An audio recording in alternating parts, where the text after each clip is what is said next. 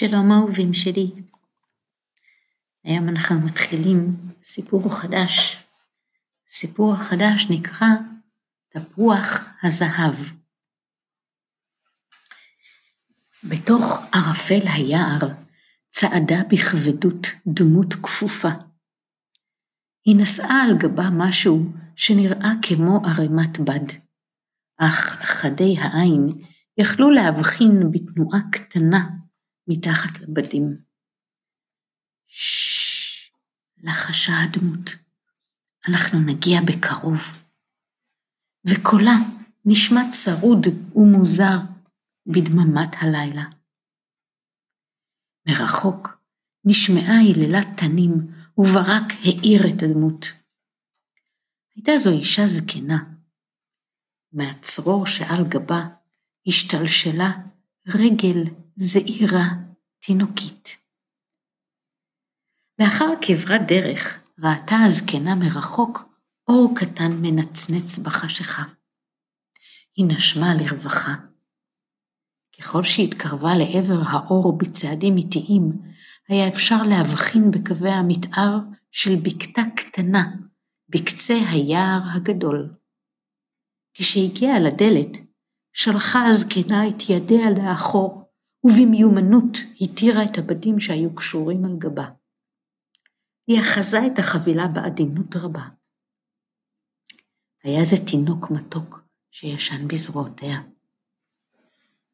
פניו היו שלבות ומאירות. היא לחשה באוזנו מלמולי תינוקות חרישיים, והוא פקח את עיניו וחייך אליה. האישה דפק, דפקה בדלת.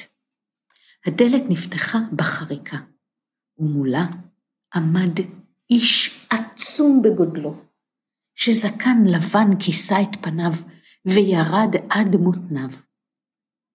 הוא הביט בתינוק והושיט אליו את ידיו. הזקנה הביטה בו בהיסוס, כאילו פתאום התחרתה על מעשיה. אבל האיש המזוקן לא הביט בה בכלל, ולקח את התינוק מזרועותיה. עשית את המעשה הנכון, אמר. עכשיו לכי, שלא יעלו על עקבותייך.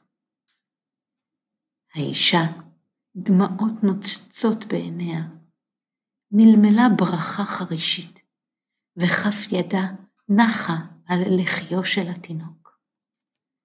לאחר מכן הסתובבה, ובלי מילות פרידה חזרה בצעדים כבדים לתוך היער האפל.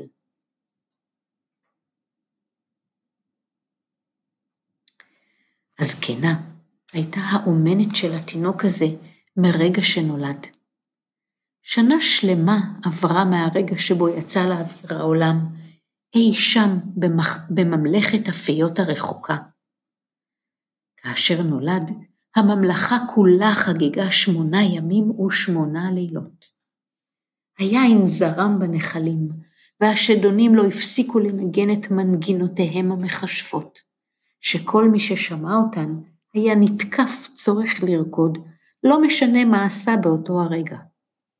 כך רקדו ברחבי הממלכה אנשים יחפים עם פיג'מות ומצנפות לילה לראשם, טבחים עם הכפות שלהם, נפחים עם הפטיש אור בידם, ואופים עם הבצק תופח בכפותיהם.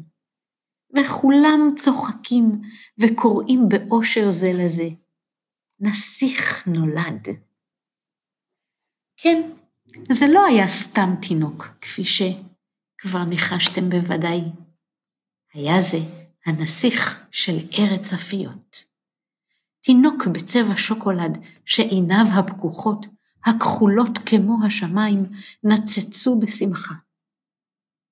הוריו האוהבים, המלך והמלכה, קראו לו לואי דור, לואי דור השני. אך מאז ועד הנקודה שבה נפתח סיפורנו, אסון נורא פקד את ממלכת הפיות. קוסם רשע השתלט על הארץ וחישף את כל התושבים. המלך והמלכה נאסרו והוצאו להורג, וכל התושבים נאלצו לעשות כרצונו של הקוסם הרע. רק האומנת החכמה לא הושפעה מהכישוף. האם בהשפעתו של לואידור הקטן? בכל, ככל הנראה, היה משהו בנוכחותו שפוגג את הקסם של הקוסם הרשע. מבלי לדעת לאן מועדות פניה, הובילו אותה רגליה של האומנת אל דלתו של המכשף המתבודד שחי מעבר ליער.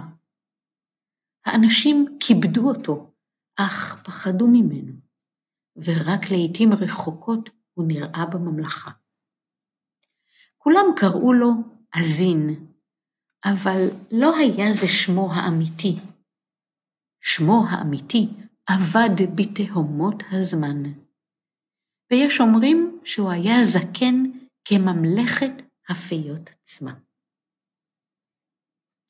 אזין סגר את הדלת והביט בתינוק שבידיו בעניין. התינוק השיב לו מבט. ואז אזין עשה דבר שלא עשה לפחות מאה שנה. הוא חייך, והתינוק חייך אליו בחזרה. אזין מיד התעשת והרצין, ובקולו העמוק אמר לתינוק, חייך לא יהיו קלים גוזלי. הגורל לא תמיד בוחר בדרך הקלה, אבל אנחנו אלה הבוחרים כיצד נעמוד בפניו. הוא הניח אותו בעדינות במיטתו, והתינוק נרדם. אך אזין נשאר ער זמן רב בלילה ההוא, מביט בתינוק ובעתיד המחכה לו. ומה יהיה המשך מסעו של לואידור? מה יקרה עם המכשף? האם הוא יצליח להתיר את הכישוף הרע מהממלכה? את זאת ועוד נשמע בהמשך הסיפור. להתראות לכם אהובים שלי.